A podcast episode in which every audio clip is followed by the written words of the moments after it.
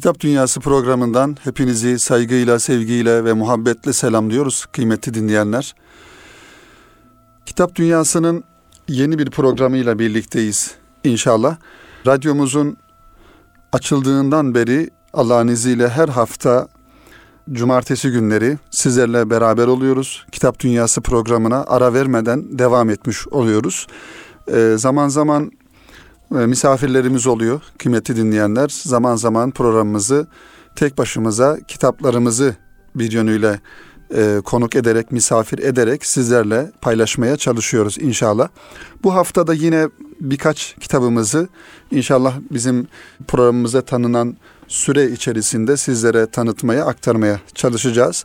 Tabii kitapların vesilesiyle, kitapların vasıtasıyla e, o muhtevadaki anlatılan konulara da dilimizin döndüğünce kısaca temas etmeye çalışıyoruz. Kıymetli dinleyenler yine bu hafta Kitap Dünyası programının birinci kitabı, tanıtacağımız birinci kitabı her zaman e, olduğu gibi bunu bir adet haline de getirmeye çalışıyoruz, getirdik. Erkam yayınlarından çıkan bir kitabımızı inşallah sizlerle paylaşmış olacağız. Peygamber Efendimizin tarif ettiği namaz isimli e, Fatin Günay hocanın hazırlamış olduğu hakikaten Erkam yayınlarında da okuyucu tarafından çokça tercih edilen namazı farklı boyutlarıyla anlatan bir kitap.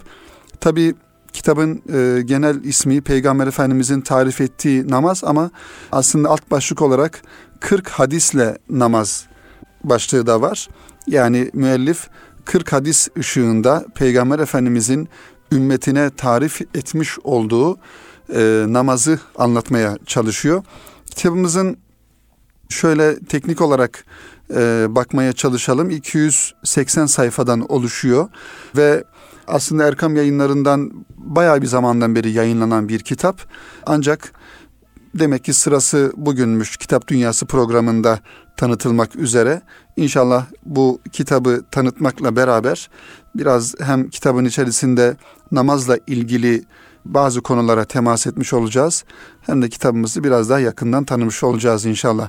Kitabımızın arka kapak yazısında kıymetli dinleyenler şu şekilde ifadelere yer veriyor Fatın Günay Hoca. En güzel, en faydalı bir şekilde değerlendirilen zaman şüphesiz Kur'an okumak, hadislerle içli dışlı olmak, onları yaşamak ve yaşatmak suretiyle geçirilen zaman değil midir? 40 hadis geleneğine uyarak namaz dinin direğidir, onu terk eden kimse dini yıkmış olur hadisi şerifinden yola çıkarak namazın Müslümanın hayatındaki yeri, gereği, önemi ve fazileti hakkında kişiye yön veren hadisi şeriflerden bazılarını derleyip bir araya getirdim diyor. Tabi kitabın içeriğinde her bölüm bir hadisi şerifle anlatılmaya çalışılmış. Bu bir yönüyle Efendimiz Aleyhisselam'ın ifadeleri ve onun e, dilinden çıkan o güzel ifadelerle anlatılan bir namaz olmuş oluyor. Ancak kitabımızın kıymetli dinleyenler birinci bölümünde Fatih Günay Hoca'nın şöyle e, 20 maddelik hakikaten her bir başlığı ayrı bir e, sohbet konusu, ayrı bir program konusu olabilecek şekilde her bir başlığı özenle, hassasiyetle seçilmiş konulara şöyle bir bakmaya çalışalım. Bu başlık tabi namazın faydaları e, üst başlığıyla anlatılmaya çalışılıyor bize. Tüm yaratıkların ibadet sembolüdür namaz. Tabi bir e, insan olarak Cenab-ı Hakk'ın bizlere farz olarak emretmiş olduğu ve Efendimizin de biraz önce ifade ettiğimiz gibi dinin direği olarak ifade ettiği namaz normalde insan olan ve Müslüman olan e, her mümine beş vakit kılınması farz olarak indirilmiş, ifade edilmiş bir ibadettir. Tabi namazın en önemli özelliği e, Müslüman ile kafiri birbirinden ayıran bir durumu var. Ve namaz yine Efendimizin ifadesiyle müminin miracıdır.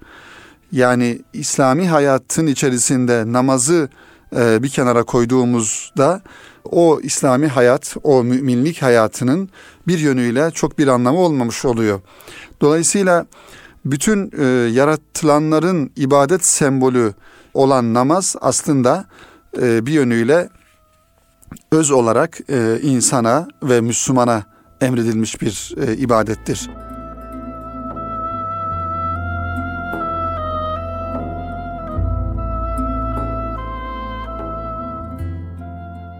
Şu şekilde ifade ediyor yazarımız bu bölümde.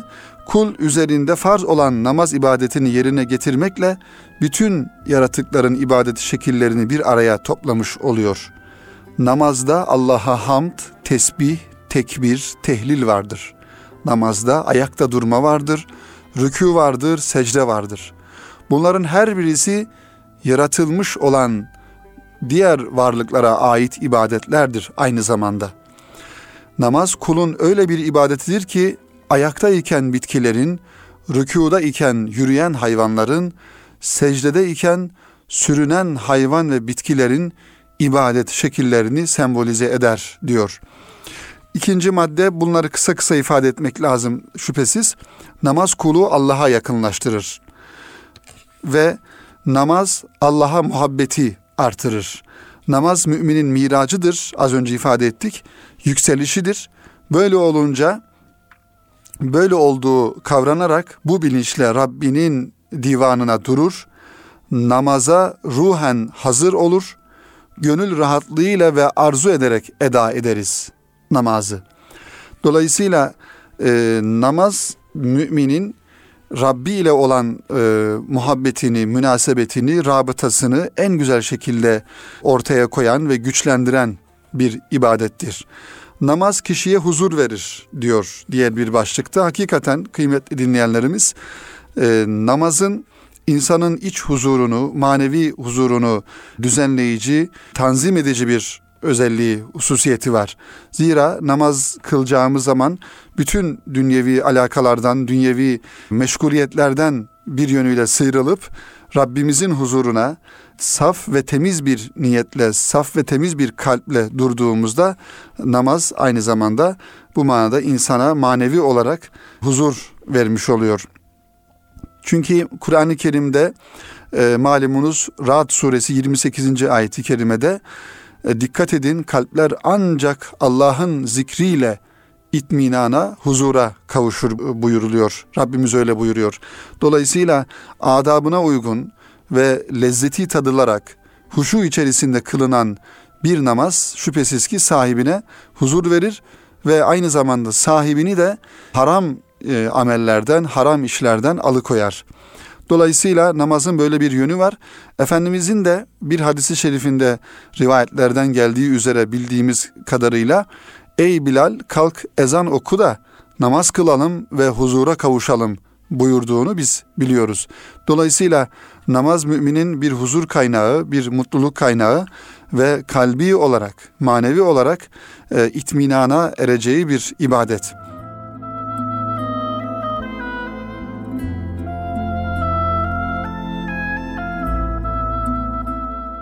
Diğer bir başlıkta devam ediyor yazarımız kıymetli dinleyenler.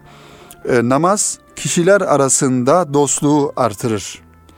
Namaz müminin miracı, imanın alameti, kul ile küfür arasında bir perde ve Müslümanı kafirden ayıran alamettir dedik. Namaz Müslümanın şiarıdır. Irk, renk, dil farkı gözetmeksizin ümmetin kardeşliğinin ilanıdır. Bu hal harem-i şerifte apaçık kendini gösterir ve müminler arasında dostluk, birlik, beraberlik ve dayanışmayı sağlar. Tabi namazın kıymetli dinleyenler cemaatle kılınan yönü asıl önemli e, olan yönlerinden bir tanesi.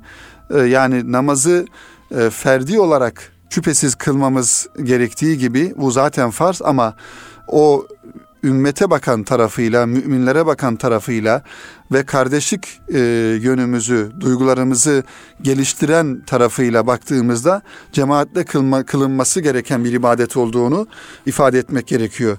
Zira cemaatle kılınan namazın ve ibadetin tek başına kılınan namazdan kat kat sevabı fazla olduğu da yine Peygamber Efendimizin hadisi şeriflerinde bizlere ifade ediliyor. Tabi cemaatte kılınan bir namazın sadece bir namaz olarak onu görmemek gerekiyor. Zira camiye gittiğimiz zaman bir sosyal bir ortama girmiş oluyoruz. Aynı zamanda kendimiz gibi düşünen, kendimiz gibi ibadet maksadıyla e, namaza gelen, ibadet maksadıyla Rabbinin huzuruna gelen diğer Müslüman kardeşlerimizle de bir beraberlik şuuru ve be- beraberlik hissi yaşamış oluyoruz.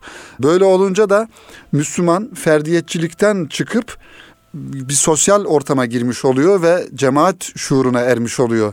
Dolayısıyla cami ortamında, cami civarında bulunan bir Müslüman hem diğer Müslüman kardeşlerinin sorunlarını, sıkıntılarını daha yakından görebilmiş oluyor ve bir paylaşım yaşamış oluyor. E, halbuki cemaatten uzak kalan bir insan, cemaate gitmeyen, cami ortamını az teneffüs eden bir insan ümmeti Muhammed'in sıkıntılarını, halini, e, dertlerini şüphesiz e, daha az öğrenmiş olur. Dolayısıyla namazın bir diğer tarafı da namazın faydalarını sayıyoruz. Programımızın başında ifade ettik. Namazın bir diğer faydası da insanlar arasındaki dostluğu ve muhabbeti kazandırmış oluyor, artırmış oluyor.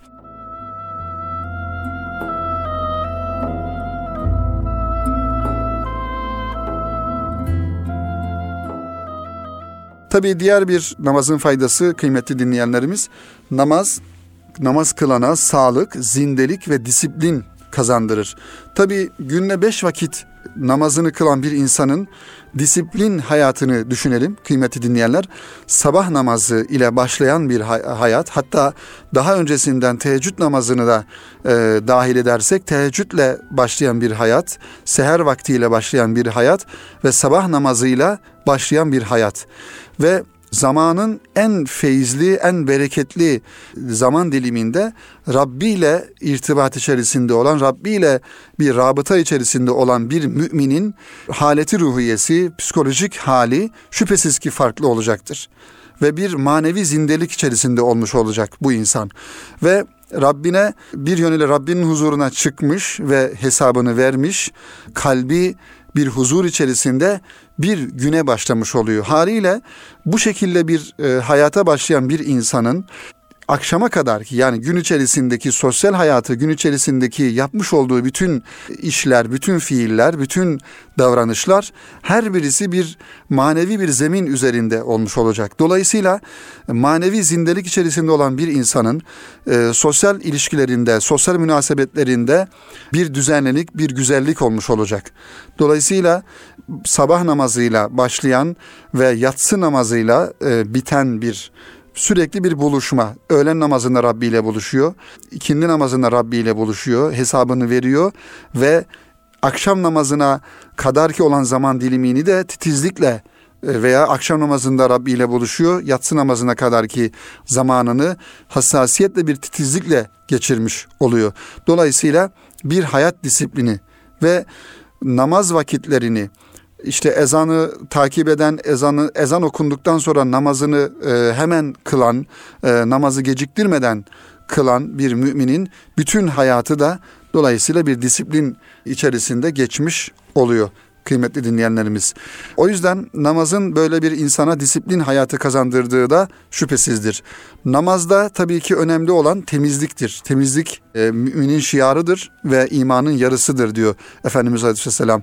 Dolayısıyla zaten namaza başlamadan önce bizim hem maddi ve manevi e, kirlerden temizlenmemiz gerekiyor. Abdest hem maddi hem manevi kirlerden temizlenmemiz için bir vesile. Dolayısıyla abdestle bir temizliğe başlamış oluyoruz. Namaz kılacağımız yeri temizlemiş oluyoruz. Elbisemizi, bedenimizi temizlemiş oluyoruz. Dolayısıyla namazı kılan, namazında aksatma olmadan sürekli namazını kılmış olan bir insanın hayatını düşünelim. Ee, bir temizlik e, içerisinde, bir nezafet içerisinde dolayısıyla hayatı sürmüş oluyor. Kıymetli dinleyenler, tabi kitabımızın bu şekilde ben sadece e, namazın faydaları e, hususunda, konusunda başlıkları ifade etmeye çalışalım. Zira birkaç farklı kitabımız da var. Onları da inşallah tanıtmaya çalışacağız. Namaz kulluğun ifadesidir. Namaz gurur ve kibiri giderir. Çünkü namaza duran bir insan bir defa tekbiri alıp elini bağladığı zaman yüce Rabbinin divanında, huzurunda boyun büküp el bağladığı zaman zaten kalbindeki gururu, kibiri, gösterişi bir yönüyle atmış ve terk etmiş oluyor. Dolayısıyla Cenab-ı Hak kendi huzuruna gelmiş olan kulunun da aynı şekilde kalbinden e, ve bütün duygularından bu e, tür menfi düşünceleri, gurur, riya, kibir, gösteriş gibi düşüncelerden sıyrılıp kendi huzuruna gelinmesini istiyor. Dolayısıyla namazla beraber bir mümin bu duygulardan da kurtulmuş, uzaklaşmış oluyor.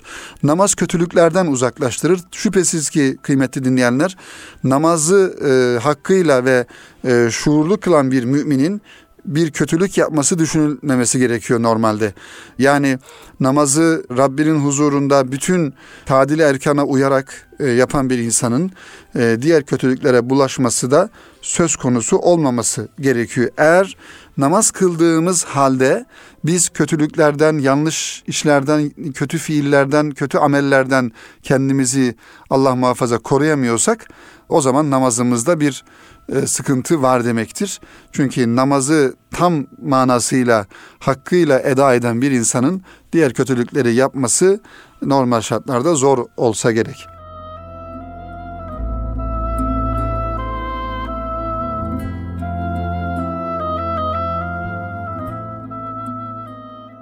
Diğer başlıklara bakıyoruz. Namaz yüzü nurlandırır. E, namaz ruhu yüceltir. Namaz kulun şefaatçisidir.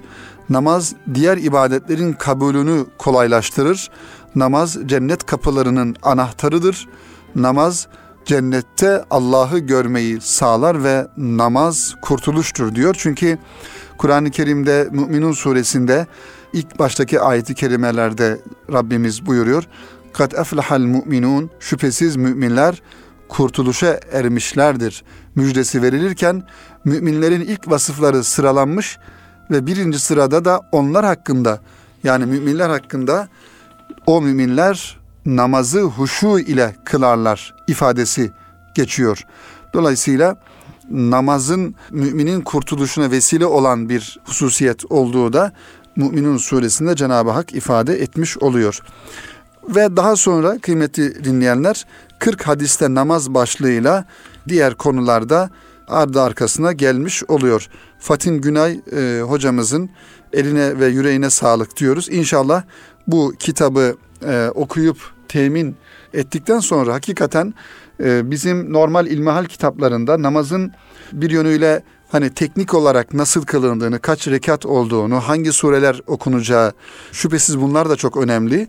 E, namazı nasıl kılınacağını öğrenmemiz açısından ama asıl namaz e, namaz müminin miracı noktasından Efendimiz sallallahu aleyhi ve sellemin gözünün nuru, gözümün nuru diye ifade ediyor Peygamber Efendimiz namazı buradan bakarak namazın içine derinliğine vakıf olarak ve namazın bir yönüyle e, Cenab-ı Hak'la bir vuslat bir buluşma anı olarak değerlendirip o şekilde namaza bakmak gerektiğini ifade etmek lazım kıymetli dinleyenlerimiz. Efendim kitap dünyasının e, bu bölümünde birinci olarak tanıtmış olduğumuz Fatin Günay'ın Peygamber Efendimizin tarif ettiği namaz isimli kitabını inşallah e, burada sizlere takdim etmeye çalıştık. İkinci bölüme geçmeden önce yine farklı bir alandan yine kampanya e, kitaplarından, Erkam yayınlarının kampanya kitaplarından çıkan önümde üç tane güzel kitabı var. E, bunların isimlerini zikredelim ancak zamanımız kalırsa inşallah hepsini bitirmiş olacağız, tanıtmış olacağız. Bir tanesi Profesör Doktor Mehmet Erkal hocanın günümüzde bilgi ve uygulamasıyla zekat isimli kitabı. Diğeri yine e, Hamdi Döndüren hocanın İslami ölçülerle ticaret rehberi. Yine bu seriden çıkan son kitap olarak da biraz önce tanıtmış olduğumuz Fatin Günay Hoca'nın Bereketin Kaynağı Helal Kazanç isimli kitapları bu haftaki Kitap Dünyası programında sizlere tanıtmaya çalışacağımız kitaplardan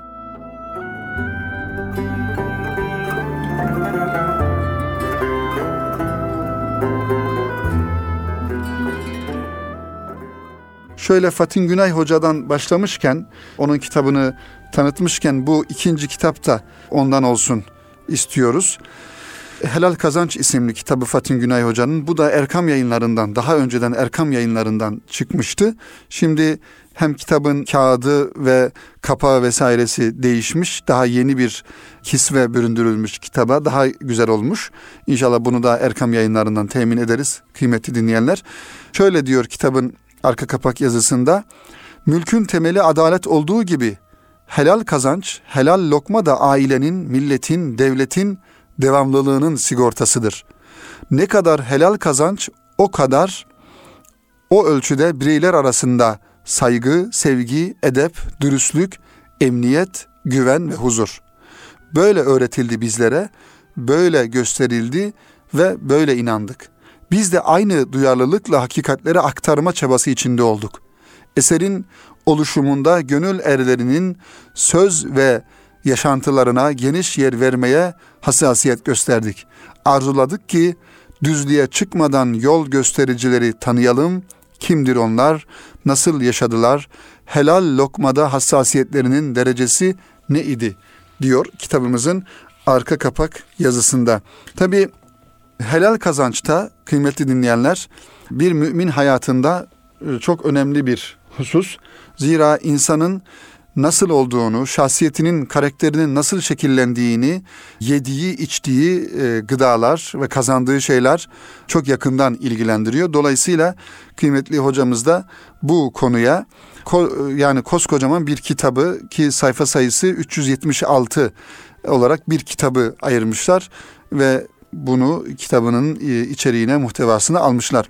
Tabii kitabın baş tarafında haram helal konusuna değiniliyor. Kazanç ne demektir? Helal kazancın önemi anlatılıyor.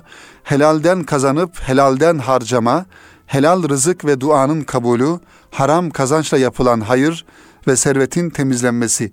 Tabi bunlar çok önemli kıymetli dinleyenler. Her mümin, her insan e, şüphesiz hayatı boyunca yani helal kazancı biz biraz ticaret erbabının dikkat etmesi gereken bir husus diye düşünüyoruz. Halbuki her mümin, her Müslüman anne olur, baba olur, evlat olur herkes kazanmış olduğu e, neyse onun kaynağına bakmalı ve onu helal yoldan kazanmanın gayreti içerisinde olmalı.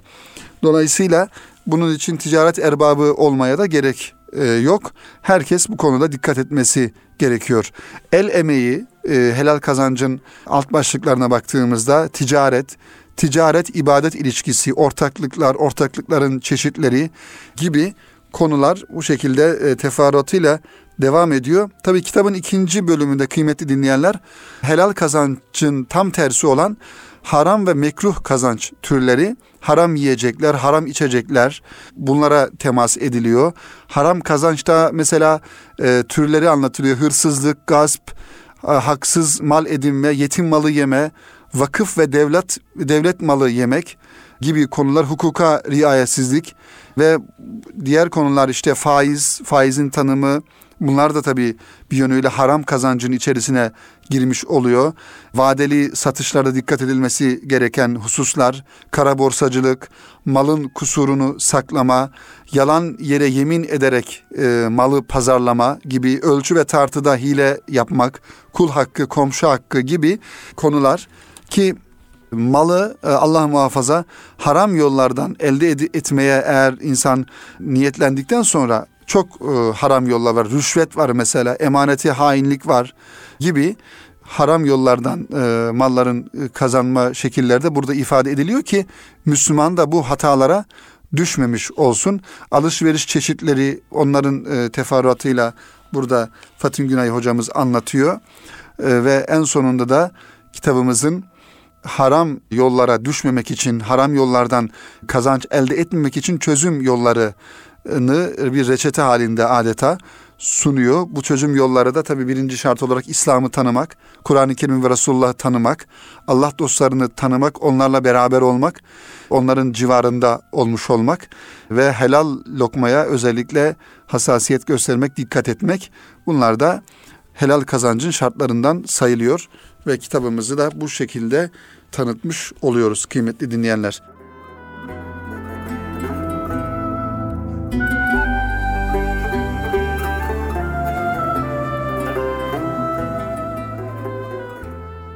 Efendim Profesör Doktor Mehmet Erkal Hoca ülkemizin yetiştirmiş olduğu önemli ilahiyatçı, önemli İslam alimlerinden birisi. Kendileri İslam hukuku profesörü aynı zamanda. Tabi bu günümüzde bilgi ve uygulamasıyla zekat konusu önemli bir husus. Hocamız da tabi zekatın e, bütün yönlerini kitabında teferruatıyla anlatmaya çalışmış. Hakikaten zekat kıymeti dinleyenler modern hayatta belki birçok insanın gerekli hassasiyeti, dikkati göstermediği ibadetlerden bir tanesi. Halbuki zekat Müslümana yani nisap miktarı malı olan yani zenginlik zengin sayılan İslam'a göre zengin sayılan Müslümana farz olan bir ibadet. Ee, İslam'ın şartlarından da bir tanesi aynı zamanda. Dolayısıyla biz mümin olarak namaza ne kadar önem, ehemmiyet veriyorsak e, zekata da o kadar ehemmiyet vermemiz gerekiyor. E, tabii burada şöyle bir hususun altını çizmek gerekiyor. E, zengin olan insanlara farz olan bir ibadet olmasından dolayı hani diğer e, Müslümanların nasıl olsa ben zengin değilim, zekatta beni ilgilendirmiyor noktasından bakmamak gerekiyor. E, her Müslüman zekatın ehemmiyetini, kıymetini bilmesi gerekiyor Zira zekat verme durumunda değilse bile e, zekat verecek olan insanlara da bunu anlatma ve tebliğ etme noktasında kendisini sorumlu olarak görmesi gerekiyor. Mehmet Erkal hocamız da bu kitabı şüphesiz bu hassasiyetle, bu düşünceyle hazırlamış. Zekatın tanımı ve tarihçesinden başlamış. Zekatın ehemmiyeti ve zekatla ilgili temel terimleri e, anlatıyor ve zekatın farz olmasının şartları, mükellefle ilgili şartlar bunlar tabi e, kitabımızın muhtevasında çok daha geniş ben hızlı geçiyorum kıymetli dinleyenler anlatılıyor. Tabi kitabı okumak ve bir müracaat kitabı olarak görmek gerekiyor. E, zira nasıl ki özellikle iş yeri sahipleri zekat verme durumunda olan insanlar nasıl ki işte modern hukukta bir vergi hukukunu takip ediyorlar işte e, bir mali müşavir tutuyorlar. E, şirketinin gelir gider cetvellerini özellikle detaylandırarak ona kontrol ettiriyorlar. Aslında zekat da bir müminin bu şekilde üzerinde hassasiyetle e, durması gereken yıllık olarak kazancının e, ne kadarını zekat verecek, ne kadarı işte fakir fukaraya dağıtacak bunların hepsi aslında yazılarak, hesap ve kitap edilerek dikkat etmesi gereken husus. Dolayısıyla bu kitap da bize biraz bunu öğretmiş oluyor. Zekata tabi olan mallar, ticaret malları var. İşte altın, gümüş, para e, bunlar var. Toprak ürünleri var. Hayvanlar var e, ve hayvan ürünleri var aynı zamanda. Madenler ve deniz mahsulleri var. Bunlar hepsi yine ifade ettiğimiz gibi detaylandırılıyor bu kitapta. Zekatın ödeme zamanı, ne zaman ne zaman ödenilir zekat? Bunlar da e, ve kimlere ödenilir? Burayı ben biraz açmak istiyorum. Kitabımızın hem e, içeriğinden de bu bölümle alakalı hem zekat vermenin adabı önemli. Bu da ayrıca ifade ediliyor. Zekat vermenin adabı kıymeti dinleyenler zekat çok yönlü bir kurum. Bir farz olduğu gibi şehadet ve namazdan sonra yani imanın şartlarından sonra İslam binasının üzerine kurulduğu beş temel temel esasın üçüncüsüdür. Biraz önce ifade ettik işte İslam'ın şartlarından bir tanesi olduğunu. Bu itibarla Müslüman mükellefler bu önemli ibadeti usul ve adabına uyarak en iyi ve en güzel bir şekilde ortaya koymalılar. Zekat verirken uyulması arzu edilen kaideleri de e, Mehmet Erkal hocamız e, şu şekilde ifade etmiş. Biz kısaca e, temas etmeye çalışalım. Müslüman zekatını sadece Allah rızası için e, ve Rabbinin rızasına kavuşma niyetiyle bu farzı yerine getirmesi gerekiyor. E, hiçbir şekilde başa kalkmadan ve eza vermeden yerine getirmelidir. Çünkü o zekatı veren insan karşıdaki insan için değil bir yönüyle kendisi için vermiş oluyor. Rabbimiz sırf kendi rızası için yapılan harcamaları kat kat mükafatlandıracağını, malını gösteriş için sarf edenlerin bu ödemelerinin boşa gideceğini bildirmekte ve şöyle buyurmaktadır. Mallarını Allah yolunda sarf edenlerin durumu her başağında yüz tane olmak üzere yedi başak veren tanenin durumu gibidir. Allah dilediğine kat kat verir, Allah'ın lütfu geniştir. O her şeyi bilendir. Dolayısıyla zekat verirken kıymetli dinleyenler hiçbir şekilde karşı tarafın başına kalkmadan onu en güzel bir şekilde eza cefa vermeden karşı tarafa vermek gerekiyor.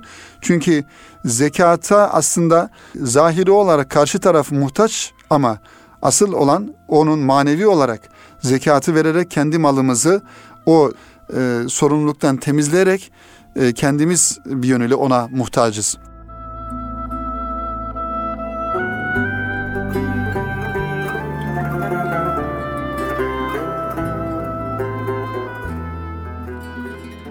İkinci olarak e, zekatı verme kaidelerinin ikincisi Müslüman mükellef temiz ve helal kazancından zekat vermeli. Eğer zekatını ayni yani mal olarak veriyorsa bu malın iyi cinsten olmasına önem ve hassasiyet göstermelidir. Kendisine verilmesini istemediği malları başkalarına zekat olarak vermemelidir. Ey iman edenler diyor Rabbimiz yine buyuruyor. Bakara suresinin 267. ayeti kerimesinde Ey iman edenler kazandıklarınızın iyilerinden ve size yerden çıkardıklarımızdan sarf edin. Gözünüzü yummadan ve severek alamayacağınız derecede kötü ve değersiz şeyleri vermeye kalkmayın. Allah'ın müstani ve övülmeye layık olduğunu bilin diyor Rabbimiz. Dolayısıyla zekatı verirken de en güzelinden yani para olarak veriyorsak zekatın malum kırkta bir zekatın en alt limiti farz olanı ama ondan yukarısı da eğer gücümüz yetiyorsa e, Rabbimizin rızası için vermemiz gerekiyor. Eğer diyelim ki hayvanlardan zekat veriyorsak en güzel, en böyle güzelini seçip o hayvanı zekat olarak vermemiz gerekiyor. Üçüncü olarak zekatın kurallarından tabi bunlar devam ediyor. Biz kısa kısa ifade etmeye çalışalım inşallah. Hanefilere göre zekatın alanın onuru zedelenmemesi ve gösteriş şaibesinden uzak olması için gizlice verilmesi daha iyidir. İbadetlerin en faziletlisi vaktinde eda edilenidir.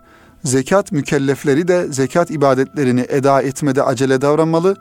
Onu meşru bir mazeret olmaksızın geciktirmemelidirler diye hocamız bu zekatın kurallarını, kaidelerini devam ediyor. Şöyle sonuncu olarak Müslümanın zekatını mutlaka kendisi vermesi şart değildir. Bu farizanın edası için güvenilir bir Müslümanı vekil de tayin edebilir diyor. Dolayısıyla zekatı vermenin şartları bu şekilde ifade ediliyor. Tabi bir de kıymetli dinler zekatı zekatın verileceği yerler zaten ayeti kerimede malumunuz Tevbe suresi 60. Ee, ayeti kerimede ifade ediliyor. Onlar da yedi sınıf insan. Onu da ifade edelim ve kitabımızın tanıtımını inşallah bitirmiş olalım. O yedi sınıf insan kimler? Zekatın verilmesi gereken yedi sınıf insan. Fakirler, miskinler, ikincisi amiller. Yani zekat memurları. Diğeri şöyle madde madde devam ediyor. Müellefe-i kulüp üçüncüsü yani kalpleri e, İslam'a hizmet, e, İslam'a e, yakın olan ama Müslüman olmamış olan insanlar, dördüncüsü köleler, yani daha doğrusu hürriyetine kavuşmak isteyip de kavuşamayan köleler, borçlular ve Allah yolunda cihad edenler ve ibn Sebil diye ifade edilen yolcular. Bunlara da zekat verilir ki bunlar Tevbe suresinde Cenab-ı Hakk'ın yedi sınıf insan olarak saymış olduğu insanlar olmuş oluyor ve bunlara da zekat vermek e, gerekiyor kıymeti dinleyenler.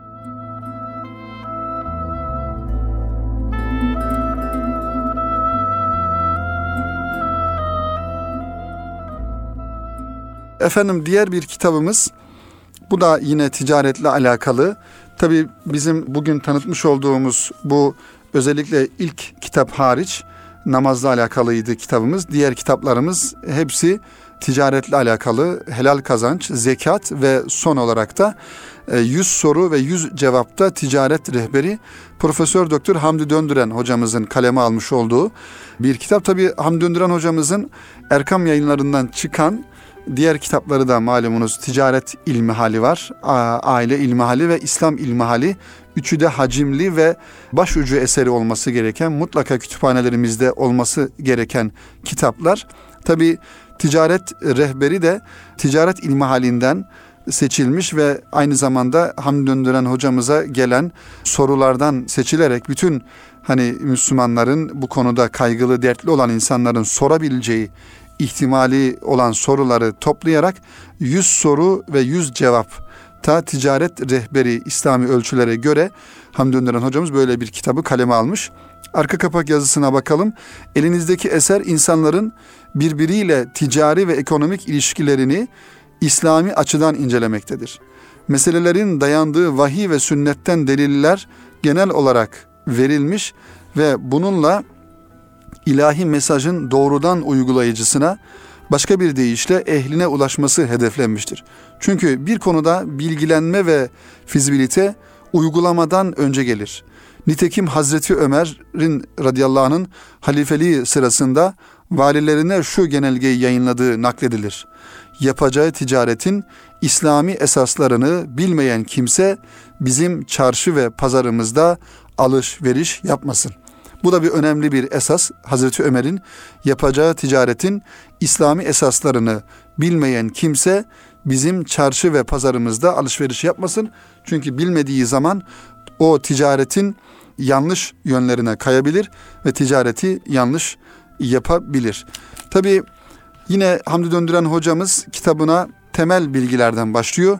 Kur'an ve sünnette ticaretin ne olduğunu, hayırlı kazancın ne olduğunu, İslam'dan önceki dinlerde ticaret ve ekonomik hayatın neler olduğunu, İslam ümmetine İslam ümmetine yönelik vahiy ve sünnet mesajı gibi konularla bu konudaki yani ticaretle alakalı İslam'ın temel bilgilerini okuyucusuna aktarmış oluyor. Tabi kitap e, kıymeti dinleyenler hacimli bir kitap. Her birisi ifade ettiğimiz gibi konu başlıklarıyla detaylandırılmış. Tabi 100 tane soru ve 100 tane cevabı olan bir kitap olduğunu düşünürsek e, dolayısıyla teferruatlı olduğunu zaten tahmin ederiz. Tabi konuların başlıklarını şöyle ben biraz daha yakından tanımış olalım kitabı e, bu niyetle konuların başlıklarını ifade edeyim. İslam iktisadının nitelikleri diyor birinci bölüm. E, daha doğrusu ikinci bölüm. Üçüncü bölümde Müslüman tüccarın muamelelerde dikkat etmesi gereken hususlar. Dördüncüsü başlıca alışveriş çeşitleri. Beşincisi İslam ekonomisinde başlıca finansman kaynakları. Ve diğer bir konu günlük ticaret hayatıyla ilgili soru ve cevaplar, para, kredi, faiz ve bankacılıkla ilgili meseleler, alışverişle ilgili meseleler, kar nedir, kar miktarı için bir sınır var mıdır gibi konular. Diğer bir konu şirketle ilgili meseleler, şirket nasıl kurulur, ortaklıklar nasıl yapılır, işçi ve işveren ilişkileriyle ilgili meseleler, sigorta ile ilgili meseleler, kuyumculuk ve dövizcilikle ilgili meseleler diye kitabımız bu şekilde devam ediyor. Tabi Hamdi Döndüren hocamızın Erkam Radyo'da da malumunuz fıkıh saati e, muhtevalı bir programı da var. Zaten onu takip eden dinleyenlerimiz bu kitabın muhtevasındaki konuların şüphesiz birçoğunu, bir kısmını en azından hocamızın kendi dilinden dinlemiş oluyorlar ama tabii bir başucu eseri olması hasebiyle bu kitabın ben bütün dinleyenlerimize e, şiddetle tavsiyede bulunuyorum.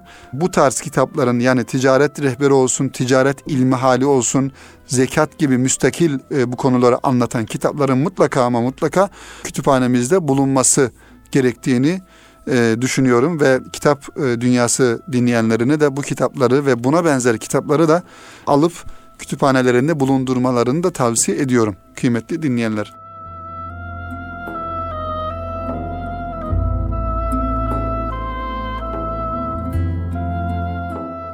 Efendim Kitap Dünyası'nın bu haftaki bölümünün de sonuna gelmiş bulunuyoruz. Bu programımızda sizlere dört güzel kitabı tanıtmaya çalıştık.